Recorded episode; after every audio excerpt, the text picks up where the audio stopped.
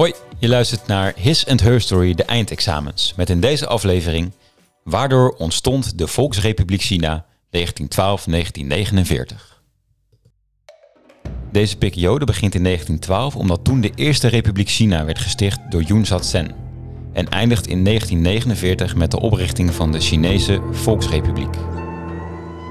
In 1912 stichtte Sun Yat-sen na de Xinhai-revolutie van 1911 de Republiek China.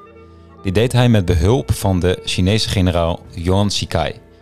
Zijn nationalistische partij, de Kuomintang, die zich inzette voor de democratie, nationalisme en socialisme, won de eerste parlementsverkiezingen. Zijn partij stond voor één verbonden China en het terugdringen van de buitenlandse invloeden. Sun Yat-sen had een tijd in het buitenland onderwijs gevolgd en nam daar kennis van westerse ideeën, zoals belasting voor grootgrondbezitters en een democratisch kiesstelsel. Al snel greep generaal Yuan Shikai de macht en zette president Sun Yat-sen af. Het land viel uiteen en werd geregeerd door plaatselijke militaire machthebbers, zogenaamde krijgsheren of in het Engels warlords. Er breekt een periode aan van een gefragmenteerd China. Er is wel een centrale regering onder Yuan Shikai, maar deze stelde niet zoveel voor door de macht van deze lokale heersers, die warlords.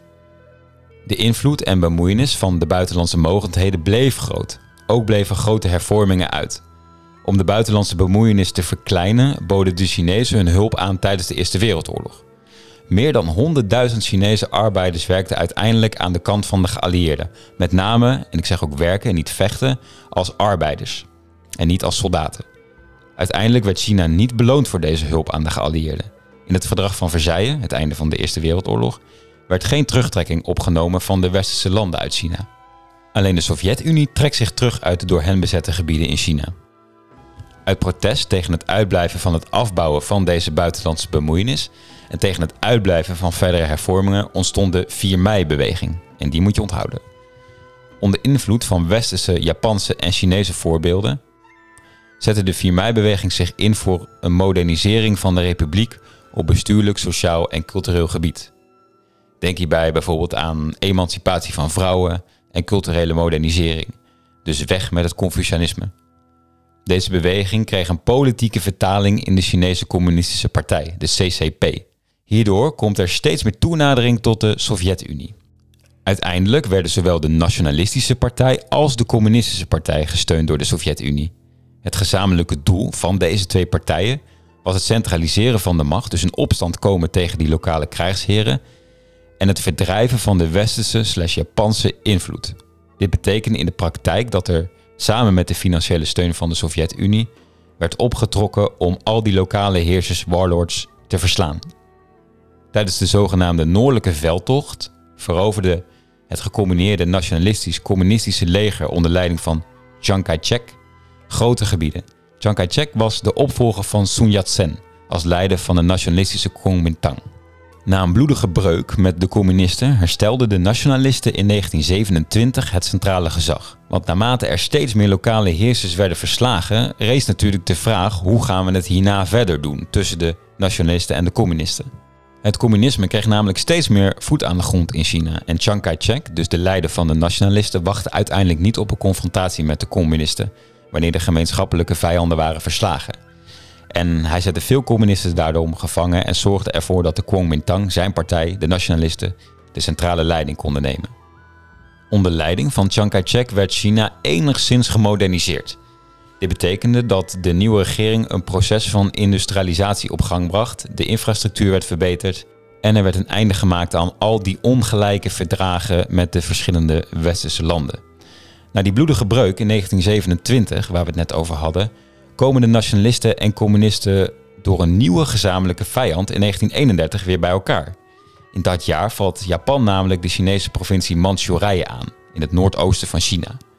In deze provincie zijn veel grondstoffen te vinden die nodig zijn voor een modern industrieland zoals Japan. In Manchurije werd een fascistisch geïnspireerd vrete regime geïnstalleerd. Om de Chinese bevolking enigszins onder de duim te houden, werd de laatste Chinese keizer Puyi als marionet geïnstalleerd op de troon in Manchurije. Nou, en vanuit Manchurije nam Japan ook veel meer gebieden in China in. De communisten en nationalisten hadden dus weer een gezamenlijke vijand en vochten samen tegen Japan. Dit was dus een strijd die gaande was vanaf 1931 en uiteindelijk stopte aan het einde van de Tweede Wereldoorlog in 1945, wanneer Japan wordt verslagen als grote mogendheid door de atoombommen die worden gegooid op Hiroshima en Nagasaki. Anders dan in de Eerste Wereldoorlog werd China na de Tweede Wereldoorlog wel erkend in hun strijd aan de zijde van de geallieerden, namelijk tegen Japan, en kregen zij een permanente plaats in de VN-veiligheidsraad. En veranderde het dus van een speelbal van de westerse mogendheden naar een serieuze speler op het wereldtoneel. Wederom hebben de nationalisten en communisten dus geen gemeenschappelijke vijand meer. En de strijd laaide dus weer op tussen deze nationalisten en communisten. De Kuomintang, dus de nationalisten, hebben nog steeds het centrale gezag in China. De problemen, die nog eens verergerd zijn door de oorlog met Japan, zorgen voor ontevredenheid over beleid van de Kuomintang. In sommige gebieden hebben de communisten de leiding en vormen daar bijvoorbeeld landhervormingen door, wat de arme boerenbevolking aanspreekt. De dalende populariteit van de nationalisten door het niet op te kunnen lossen van de problemen, de toenemende populariteit van de communisten, die een aansprakelijke boodschap hadden voor de arme boerenbevolking, en de steun die de communisten van de Sovjet-Unie kregen, zorgde er uiteindelijk voor dat in 1949 de communisten de interne strijd wonnen van de nationalisten. Chiang Kai-shek en zijn Kuomintang vluchtten uiteindelijk naar Taiwan. Mao Zedong en zijn CCP, dus de Communistische Partij, roepen de Volksrepubliek China uit. China is vanaf dat moment communistisch.